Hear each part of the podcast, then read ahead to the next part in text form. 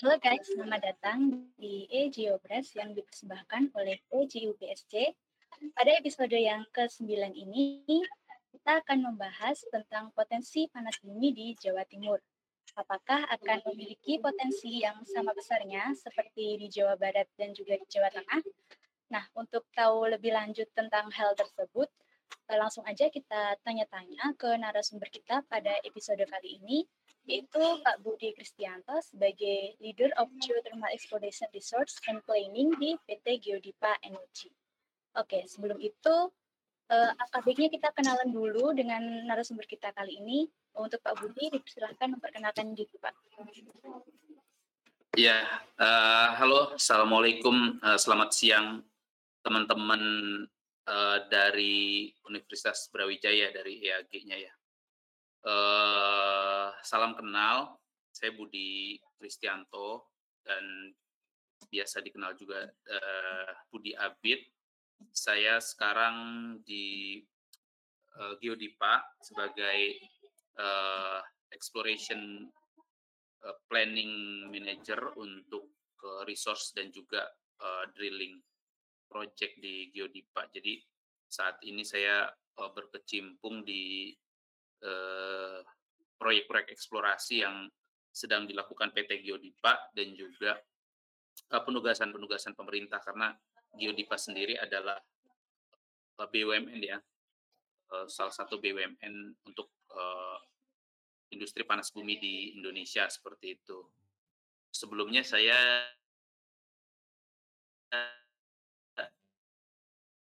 sekitar Indonesia dari tahun 2000 2007 dan sejak uh, tiga tahun empat tahun lalu saya bergabung di PT Geodipa seperti itu.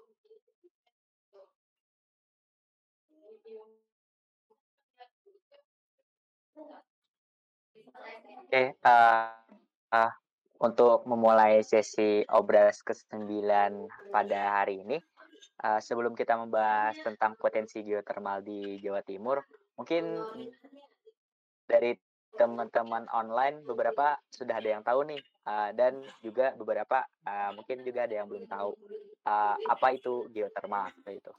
Uh, dengan mengingat letak geografis Indonesia yang berada di Ring of Fire membuat uh, negara Indonesia sendiri memiliki potensi energi panas bumi atau geotermal yang cukup besar seperti itu. Uh, jadi uh, kami mau tahu nih Pak, uh, menurut Pak Budi sendiri kira-kira definisi dari uh, energi panas bumi atau geothermal itu apa sih Pak? Oke, jadi kalau uh, definisi dari energi geothermal atau energi panas bumi itu sebenarnya adalah energi yang tersimpan di bawah permukaan bumi, yang mana energi tersebut bersumber dari uh, aktivitas vulkanisme atau magnetisme di jauh di bawah permukaan bumi. Jadi sekitar uh, sekitar 5 km di bawah permukaan bumi itu ada beberapa lokasi itu memang ada aktivitas-aktivitas atau uh, tenaga-tenaga atau energi-energi magnetisme di bawah yang bisa kita manfaatkan. Memang uh, biasanya keterdapatannya itu berada di uh, yang tadi disebut uh, sebagai ring of fire. Memang kebetulan di Indonesia adalah salah satu negara yang dilewati oleh uh, jalur uh, cincin vulkanisme tersebut seperti itu. Kalau teman-teman uh, lihat dari uh, Sabang, Aceh sampai lalu turun ke Sumatera, ke Lampung, lalu ke Jawa, lalu ke Bali, ke Lombok, ke uh, Flores, ke lalu ke atas ke Maluku, lalu ke area Sulawesi seperti itu sampai ke Filipina. Itu adalah jalur Ring of Fire yang uh, melewati sebagian dari uh, negara kita Indonesia ini seperti itu. Maka dari itu tidak tidak uh, tidak heran bahwa potensi panas bumi itu banyak terdapat di Indonesia. Dan kita sebagai uh, warga negara Indonesia yang ya yang mempelajari dan memahami hal tersebut ya diharapkan kita bisa memanfaatkan energi tersebut untuk uh, kepentingan bangsa Indonesia.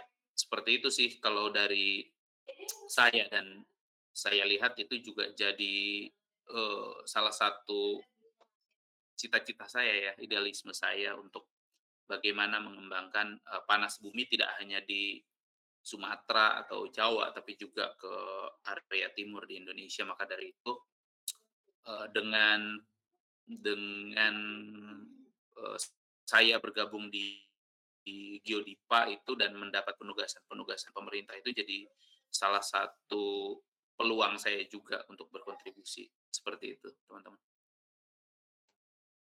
Oke, uh, baik Pak. Uh, jadi uh, mengenai aktivitas uh, vulkanisme di Indonesia yang uh, berhubungan dengan gunung api nih Pak. Uh, nah di Pulau Jawa kan uh, terdapat banyak gunung api uh, yang mana uh, dapat memicu terdapatnya manifestasi geotermal.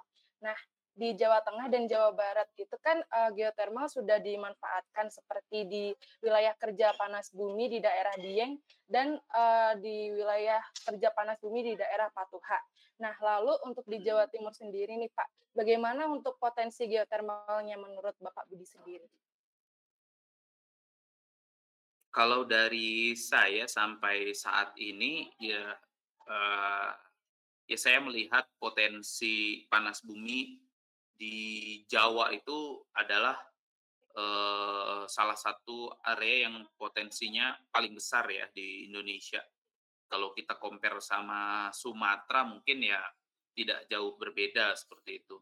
Jadi lapangan-lapangan besar yang uh, ya bisa bisa dibilang di atas uh, bisa dibilang di atas 100 atau bahkan 200 megawatt itu itu terdapatnya di Sumatera dan Pulau Jawa seperti itu. Jadi kalau teman-teman lihat di uh, dari di Pulau Jawa sendiri ya dari Jawa Barat itu ada Gunung Salak, lalu ada Patuha, ada Wayang Windu, yang ada Kamojang yang memang angka pengembangannya di sana itu cukup besar gitu sampai 250 bahkan sampai 370 eh, megawatt seperti itu. Jadi itu memang potensi panas bumi yang eh, terbesar di Indonesia salah satu potensi panas bumi yang terbesar di Indonesia dan bagaimana dengan di Jawa Timur. Jadi kalau di Jawa Timur memang kalau kita lihat secara geologi dan secara uh, aktivitas gunung api kita lihat sih ada peluang di sana, ada beberapa lokasi, ada beberapa area yang memang mengindikasikan potensi panas bumi yang cukup besar di uh, Jawa Timur juga seperti itu. Di uh, ya bisa dibilang seperti di Ijen, lalu di Arjuna Welirang, mungkin di Lau juga dan di lokasi-lokasi lain di area Jawa Timur. Yang ya yang kami rasa cukup uh, berpotensi seperti itu dan uh, maka dari itu ada saat ini ada beberapa pengembang yang memang fokus di area Jawa Timur uh, seperti kalau teman-teman pernah dengar Medco di Ijen, Medco Power di Ijen, lalu Bakri di uh, Telaga Ngebel, lalu ya Geodipa salah satunya juga Geodipa di kita punya lapangan pengembangan eksplorasi di Arjuna Welirang seperti itu. Jadi eh, kalau dari sisi potensi sih kita melihat uh, ada potensi di Jawa Timur seperti itu. Namun bagaimana pengembangan ke depan kita uh, berharap mudah-mudahan bisa lancar dari kegiatan eksplorasi lalu dilanjutkan dengan kegiatan pengembangan lapangan tersebut sampai uh, jadi pembangkit listrik tenaga panas bumi. Itu itu uh, arah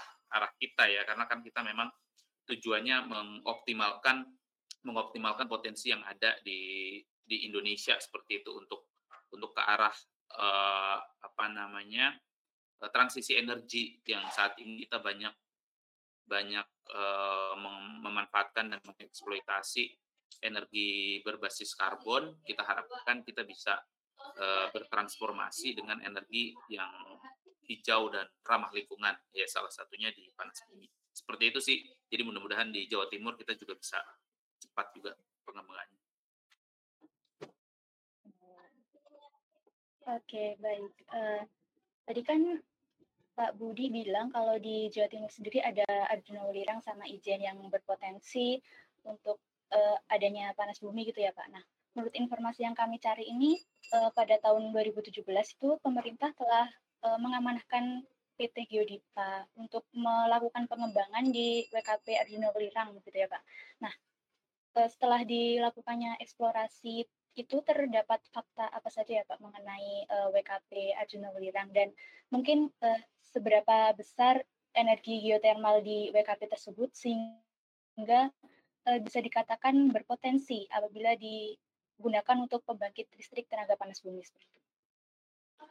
Oke, baik. Jadi kalau di uh, Arjuna Welirang sendiri memang benar kita dapat eh, PT Geodipa mendapat penugasan itu di sejak tahun 2017 ya uh, diberikan oleh pemerintah kita dan kita ditugaskan untuk melakukan pengembangan di area tersebut di tahun 2017 dan 2018 itu pula kita langsung melakukan uh, assessment. Kita langsung melakukan evaluasi terhadap uh, terhadap potensi di Arjuna Ulirang tersebut. Kita melakukan beberapa kegiatan survei pada tahun 2017-2018 tersebut. Kita run uh, survei geofisika yang terdiri dari magnetotelurik, time domain elektromagnetik dan juga survei gravity.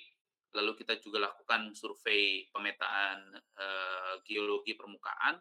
Lalu kita juga melakukan uh, sampling uh, geokimia di lokasi-lokasi manifestasi termal yang ada di sekitar uh, Arjuna Wulirang yang bisa merepresentasikan kondisi bawah permukaan di area tersebut.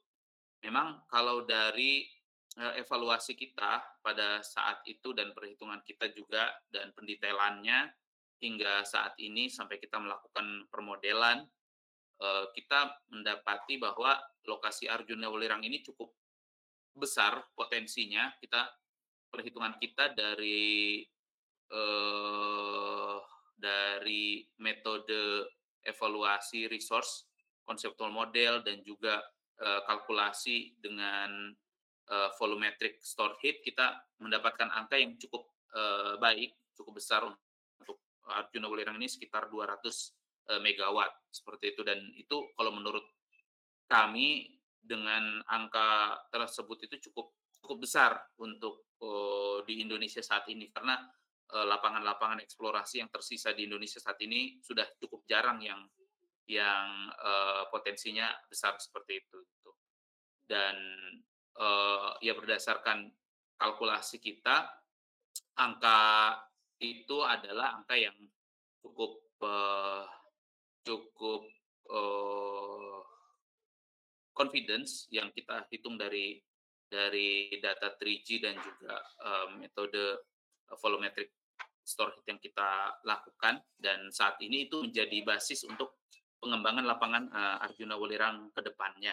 Seperti itu. Jadi memang kita saat ini sudah uh, lakukan juga beberapa kegiatan lanjutan untuk untuk perhitungan uh, sorry untuk uh, persiapan untuk persiapan uh, rencana pengeboran uh, eksplorasi di Arjuna Welirang tersebut dan untuk membuktikan apakah memang uh, perhitungan kita uh, terhadap potensi di Arjuna Ulirang itu uh, benar seperti itu. Jadi memang saat ini kita sedang melakukan uh, pendetailan untuk program pengeboran eksplorasi di Arjuna Ulirang.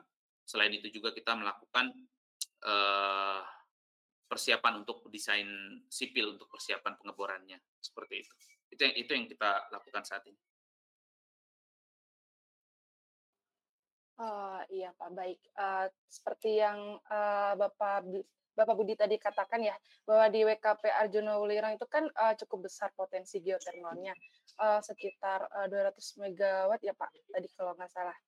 Nah, Ya. itu uh, dalam pemanfaatan geotermalnya sebelum melakukan drilling itu pastinya kan uh, sudah dilakukan perencanaan yang matang. Kemudian uh, pada WKP Arjuna Welirang sendiri sampai saat ini uh, apakah ada Pak tantangan dalam mengerjakan uh, proyekannya seperti itu? Iya kalau ya sampai saat ini tantangan yang kita hadapi sebenarnya lebih ke non uh, technical ya sebagian besar uh, tantangannya itu di bagian non technical terutama karena memang lokasi potensi atau prospek yang berada di Arjuna Welirang itu letaknya itu berada di area kehutanan kalau teman-teman uh, tahu itu memang di sana ada uh, Tahura ya Taman Hutan uh, Rakyat dan itu saat ini kita sedang berkoordinasi juga dengan pihak Tahura dan Kehutanan uh, untuk melakukan uh, perubahan blok seperti itu. Jadi kita berdiskusi dengan mereka uh, bagaimana caranya kita bisa memanfaatkan area panas bumi tersebut, namun tetap bersinergi dengan uh, kondisi lingkungan di uh, Tahura atau hutan tersebut. Seperti itu, itu yang kita coba saat ini sedang kita lakukan kajiannya beberapa kali. Seperti itu kita lakukan kajian biodiversity, kita lakukan kajian satwa, satwa-satwa yang berada di sana, seperti itu. Lalu kita uh, siapkan juga mitigasinya agar nanti misalkan di depan di masa yang akan dapat yang masa yang akan datang ketika kita melakukan pengembangan atau eksploitasi di lokasi tersebut eh, kehidupan eh, kehidupan hutan kehidupan satwa di lokasi tersebut itu tidak tidak terganggu seperti itu nah itu yang sedang kita eh, persiapkan kajian kajiannya teman-teman kalau eh, pernah dengar di Gunung Salak. Di Gunung Salak itu sama, itu berada di area Taman Nasional Gunung Halimun Salak. Jadi di sana ada WKP Gunung Salak yang besarnya 300 di atas 300 megawatt, sekitar 370 megawatt dan itu berada di tengah-tengah Taman e, Nasional Gunung Halimun Salak. Coba bayangkan. Dan ya saya sempat bekerja di sana dan masih banyak satwa liar di sana dari monyet, dari lutung, lalu uh, bahkan ada macan tutul, ada macan kumbang seperti itu dan itu bisa bersinergi gitu. Jadi bahkan di kalau teman-teman tahu nanti misalkan pengembangan panas bumi itu kan ada pipa-pipa ya, pipa-pipa uap, pipa-pipa air panas seperti itu kan pipanya hangat yang melintang di jalan seperti itu. Nah, itu bisa jadi tempat istirahat, menghangatkan diri buat satwa-satwa tersebut seperti itu. Itu ada beberapa gambar foto yang di, yang pernah diabadikan itu di area Gunung Salak. Jadi dari situ kita bisa belajar oh ternyata eh, pengembangan panas bumi itu bisa loh bersinergi dengan eh, lingkungan dengan satwa yang memang kita lindungi juga seperti itu. Jadi harapannya untuk di Arjuna Wolirang ini kita bisa tuh membangun eh, membangun pembangkit listrik tenaga panas bumi tapi yang tetap bisa bersinergi dengan lingkungan sekitar. Harapan kita sih seperti itu ya dan mudah-mudahan bisa. Oke, uh, tadi kan Pak Budi sempat singgung bahwa memang uh, apa pembuatan lapangan panas bumi ini kan memerlukan kayak pembukaan lahan gitu ya Pak. Nah, untuk tempatnya potensi geotermal juga kebanyakan berada di ini apa area kehutanan. Nah, itu mungkin kriteria lingkungan yang baik untuk melakukan drilling yang baik itu kira-kira seperti apa ya, Pak? Sebenarnya kalau secara umum sih uh, untuk penentuan lokasi ya, uh, pengeboran yang baik seperti itu untuk panas bumi, sebenarnya kita di di drive itu utamanya oleh resource ya, lokasi resource atau lokasi prospek tepatnya berada di mana. Yang paling besar yang paling panas titiknya itu berada di mana. Itu yang harus kita cari dulu. Makanya tadi saya cerita kita lakukan kegiatan 3G survei kita lakukan integrasi data kita lakukan permodelan. Itu sebenarnya hasil akhirnya selain mengkalkulasi cadangan itu kita juga menentukan area lokasi bor gitu. Yang mana yang paling uh, yang paling uh, besar kemungkinannya untuk sukses seperti itulah. Nah, yang kedua dari sisi uh, teknis juga mungkin kita mencari area yang memang lebih uh, rata, lebih flat ya, lebih stabil, uh, miringan lerengnya tidak terlalu tinggi, jadi ya jadi istilahnya untuk persiapan area pengeboran itu bisa lebih mudah itu salah satu pertimbangan juga lalu akses juga jadi di Arjuna Welirang ini memang kita tahu lokasinya memang berada di lokasi hutan ya dan memang belum ada akses belum ada akses jalan. Kalau teman-teman tahu akses jalan yang ada di sana tuh cuman ada di area Canggar tuh yang di area barat ya kan? Lalu di area utara. Di area utara kalau nggak salah tuh dari daerah apa Tretes daerah Tretes nah ya kan? Jadi ada ada yang paling dekat tuh dari sana gitu. Nah kita kemarin melakukan evaluasi akses mana yang paling paling uh, mudah dan paling uh, less impact atau dampaknya paling rendah terhadap lingkungan terhadap hutan biar kita nggak nggak terlalu banyak uh, makan area hutan seperti itu karena kan kita juga nggak nggak ingin terlalu banyak uh, apa namanya merusak area hutan seperti itulah. Jadi kita coba memilih area yang memang uh, minimum secara dampaknya terhadap lingkungan. Seperti itu itu yang kita lakukan dari sisi uh, teknis dan juga non teknis kemarin. Bagaimana caranya kita memilih lokasi yang baik untuk uh, untuk implementasi atau melakukan kegiatan pengeboran di Arjuna Wulirang seperti itu.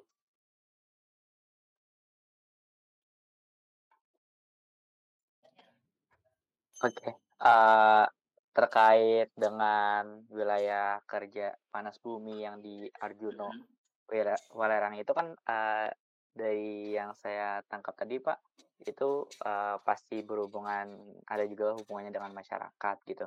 Nah, uh, yang saya dengar kabarnya dari PT Geodipa itu berencana untuk melakukan, uh, drill pada WKP Arjuna Walerang pada tahun 2024. Nah uh, terkait hal hal tersebut apakah akan terrealisasikan, Pak? Mengingat pasti kan, uh, ada banyak tuh, uh, baik itu dari pro ataupun kontra dari masyarakat sekitar, uh, WKP Arjuna Walerang itu, Oke. Mengenai, uh, timeline project ya dan juga, uh, kondisi, uh, sosial yang ada di Arjuna Wolirang memang uh, cukup uh, dinamis ya, cukup dinamis kondisi di Arjuna Wolirang ini. Dan yang kita uh, fokus saat ini memang lebih ke yang tadi saya sampaikan saat ini kita masih fokus ke perubahan blok penataan blok tersebut dengan teman-teman uh, atau dinas uh, kehutanan. Seperti itu itu kita masih uh, melakukan beberapa kegiatan atau aktivitas uh, yang berhubungan dengan perubahan blok tersebut. Rencananya kalau memang sudah berhasil kita melakukan perubahan blok, maka uh, berikutnya mungkin kita bisa lebih uh, intensif lagi uh, sosialisasi ke masyarakat, sosialisasi ke uh, ya desa-desa setempat seperti itu karena ya kami tahu juga dan kita juga melakukan apa ya uh, kolek informasi lah kita coba mengumpulkan informasi juga dan memang ada beberapa uh, pihak yang memang masih uh, menolak atau tidak setuju dengan pembangunan pembangkit listrik tenaga panas bumi uh, di Arjuna Wolirang ini. Tapi sebenarnya kalau dari pihak uh, Geodipa atau saya pribadi itu hal hal biasa ya di mana-mana itu proyek-proyek lain pun itu sudah sudah biasa kita di di apa namanya ada istilahnya ada problem-problem uh, seperti itulah. Dan kita sudah sudah biasa juga untuk uh, bagaimana kita melakukan uh, penanggulangan kita men, uh, melakukan sosialisasi kita memberikan konsultasi. Itu itu hal yang biasa kita lakukan dan kita cukup terbuka dengan itu. Dan saya pribadi ya contohnya dengan kegiatan hari ini itu saya seneng gitu. Saya bisa berinteraksi, saya bisa memberikan informasi, saya bisa memberikan pemahaman yang teman-teman nanti bisa juga pahami bagaimana pentingnya uh, panas bumi, bagaimana peluang panas bumi di wilayah uh, Arjuna Wulirang tersebut dan bagaimana impactnya nanti ke depannya. Plus minus ya, jadi semua proyek, semua kegiatan itu pasti ada plus minusnya ya kan? Teman-teman tadi juga saya udah cerita banyak tadi minus ada plusnya ada minusnya tentunya. Plusnya misalkan ya kita bisa mengoptimalkan uh, potensi panas bumi atau cadangan panas bumi di area tersebut. Lalu kita bisa tentunya pasti kita membuka lapangan kerja baru ya kan? Lalu kita bisa memberikan pemasukan terhadap Pemda setempat kita bisa memberikan apa ya peluang kerja untuk uh, misalkan UMKM atau ya warung-warung untuk sekitar sana atau nanti misalkan uh, hotel-hotel atau penginapannya jadi lebih banyak karena makin banyak nanti kegiatan proyek di sana itu di masa depan itu akan mungkin terjadi seperti itu dan itu saya lihat akan memajukan lokasi tersebut secara ekonomi. Namun ada juga side negatif tadi kita karena kita butuh jalan ke sana, kita butuh akses ke sana, jadi kita akan membuka beberapa lokasi yang tadinya hutan kita jadikan jalan uh, jalan masuk, jalan akses gitu. Tapi memang strategi kita memang kita meminimalisir ya, kita mencoba meminimalisir meminimalisir dampak uh, terhadap lingkungan. Maka dari itu aksesnya juga kita tidak terlalu besar seperti itu dan ya uh, harapannya dengan plus minus seperti itu harapannya lebih banyak plusnya dan bisa diterima oleh uh, masyarakat maupun pihak-pihak yang masih kalau saya bilang sih belum tentu menolak sih mungkin belum memiliki pemahaman yang uh, baik dan tentang uh, panas bumi dan juga uh, pengembangan panas bumi dan pentingnya panas bumi di Indonesia.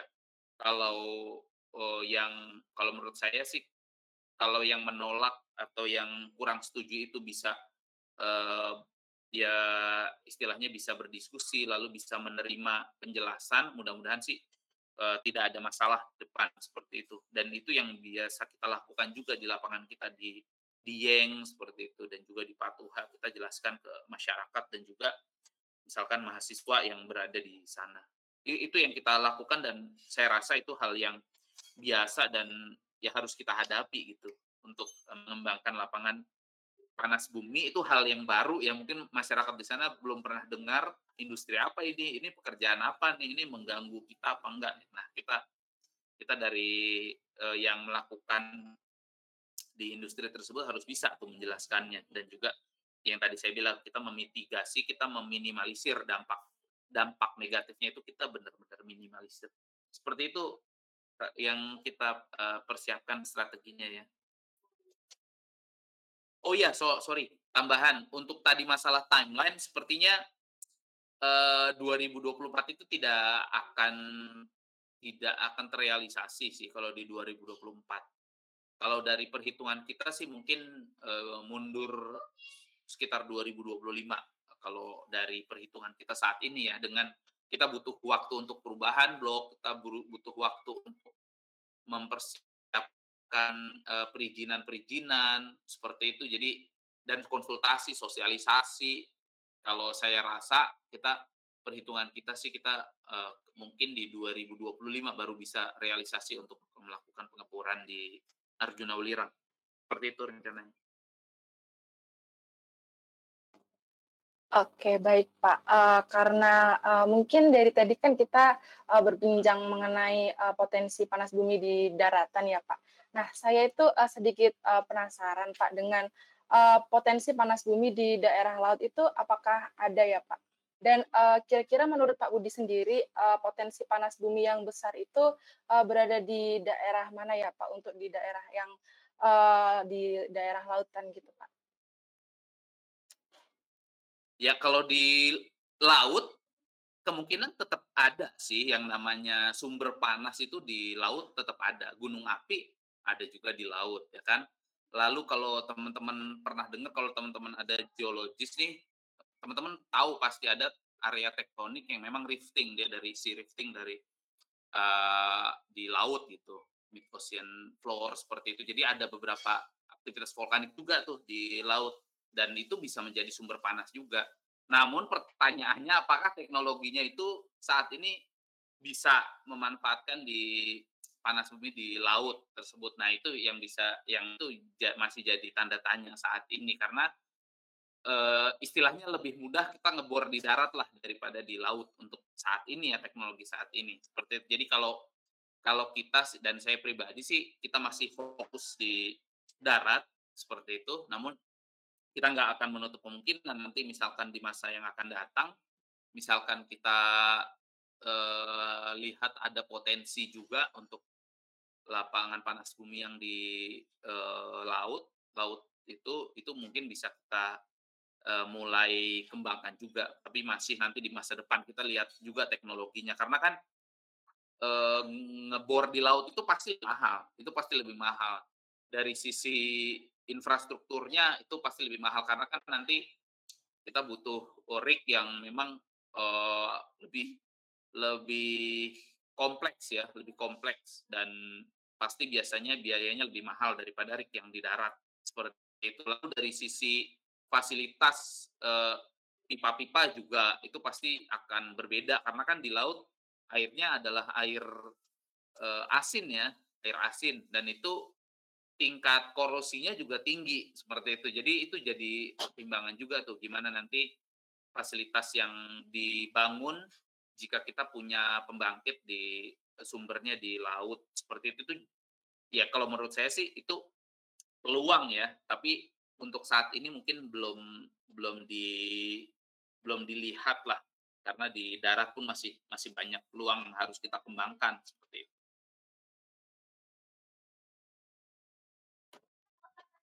Oke, uh, saya mau tanya lagi nih Pak.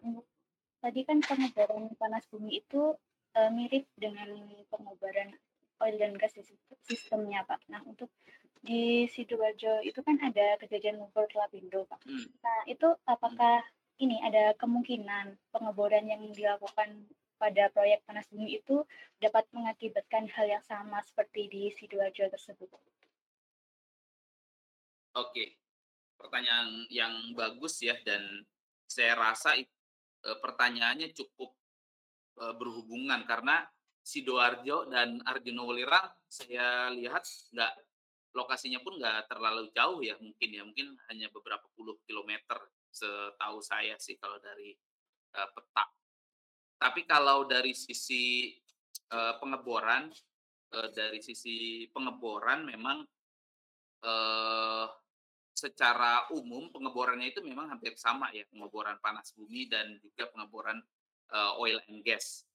Namun untuk jika ditanya apakah uh, resiko atau uh, potensi uh, lumpur yang terjadi yang keluar di uh, apa sidoarjo itu bisa juga terjadi di panas bumi. Nah itu uh, saya bisa jawab uh, tidak tidak uh, tidak mungkin terjadi ya karena kalau dari sisi geologi ini agak berbeda kondisinya.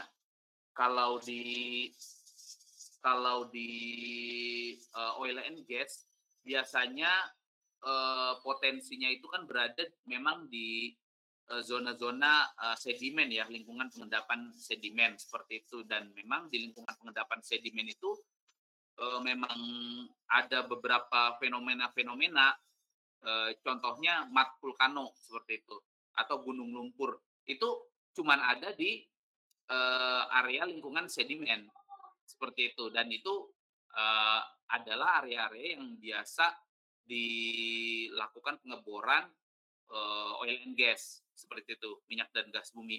Sedangkan kalau di uh, panas bumi karena kita lingkungannya adalah lingkungan bukan sedimen, kita lingkungan vulkanisme, kita lingkungan gunung api dan ini itu nggak ada fenomena yang disebut sebagai uh, mat vulkano seperti itu itu itu tidak ada di uh, gunung api seperti itu. Jadi kemungkinan kita untuk uh, mengebor ngebor di area mat volcano lalu uh, lumpurnya tersebut keluar sampai ke permukaan itu tidak ada dan tidak pernah terjadi di mana pun di baik di Indonesia maupun di dunia seperti itu. Jadi uh, diharapkan isu-isu uh, tersebut bisa kita kita redam ya dengan informasi dan pemahaman yang benar.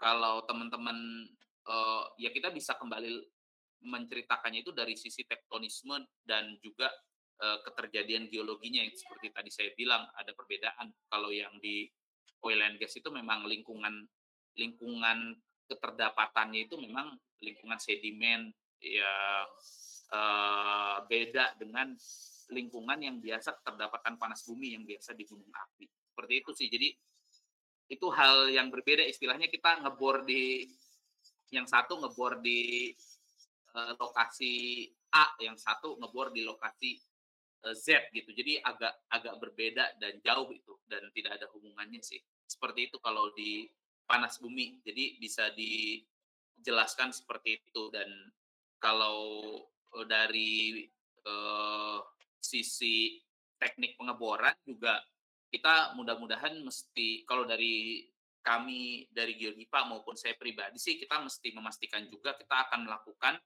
pengeboran dengan standar uh, operating procedure yang terbaik seperti itu yang best practice uh, industri di mana memang kegiatan-kegiatan di pengeboran tersebut itu harus sesuai dengan kaidah dan perhitungan-perhitungan yang baik dari sisi uh, drilling engineering design seperti itu. Jadi di mana kita harus melakukan set casing, di mana kita harus melakukan cementing, di mana kita harus melakukan tes-tes untuk uh, memastikan kondisi sumur, memastikan kondisi casing, memastikan hasil cementing kita baik itu harus kita lakukan seperti itu dan kita harus memastikan uh, hal tersebut atau kegiatan-kegiatan tersebut bisa kita lakukan di lapangan kita atau di proyek kita.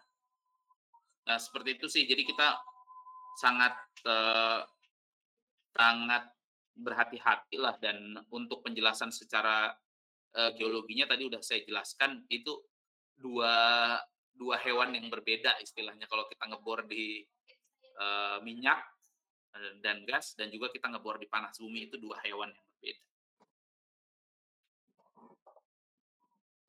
Oke, uh, ini dari kami meresearch dari beberapa sumber Pak ini di BKP Arjuna Welirang itu uh, ada banyak masyarakat yang kontra terhadap proyek tersebut. Nah, mereka itu beralasan bahwa uh, pembukaan proyek tersebut akan mempengaruhi uh, sumber air tanahnya, sumber air bersih mereka, nah gitu Pak.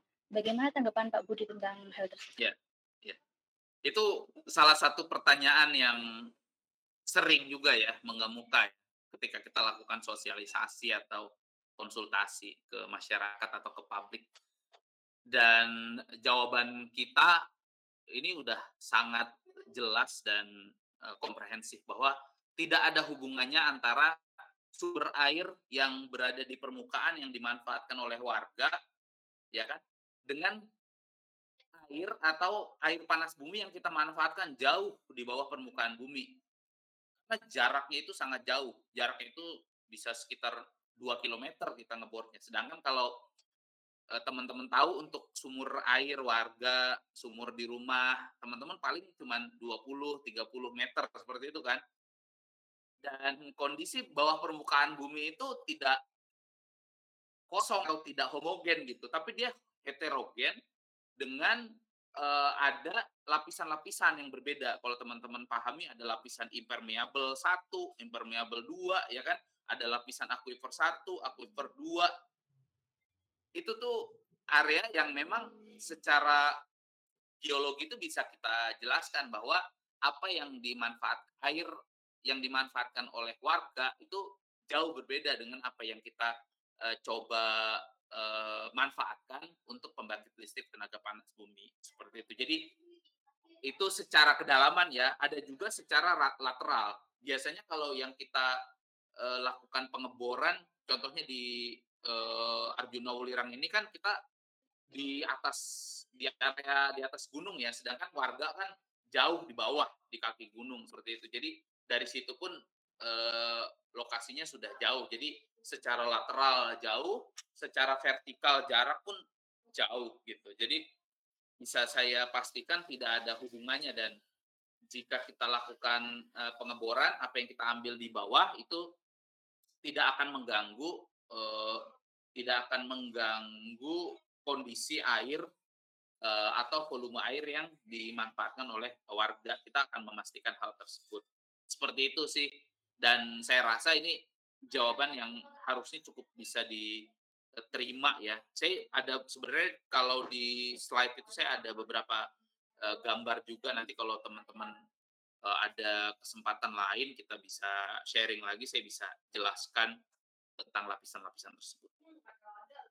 Begitu. Oke, terima kasih Pak Budi. Dan tidak terasa nih waktu sudah berapa 30 menit ya kurang lebih. Nah, kami mengucapkan terima kasih kepada Pak Budi uh, karena telah meluangkan waktunya untuk membagikan ilmu dan berdiskusi dengan kami. Dan semoga diskusi yang telah dilakukan ini dapat berguna untuk para pendengar maupun penonton podcast kali ini. Dan sebelum podcast berakhir, saya akan membagikan kesimpulan dari diskusi pada hari ini uh, geothermal atau energi panas bumi itu merupakan energi yang sustainable sehingga sangat cocok untuk pasukan energi nasional dan di Indonesia sendiri sangat banyak potensi geothermal salah satunya di Jawa Timur yang memiliki kapasitas 200 gigawatt energi pada WKP Arjuna Wit dan pemanfaatan energi ini akan berguna bagi masyarakat sekitar dan juga negara dengan tidak mengesampingkan dampak yang ditimbulkannya. Sekian, tetap stay tune untuk episode-episode selanjutnya dari EJ Obras.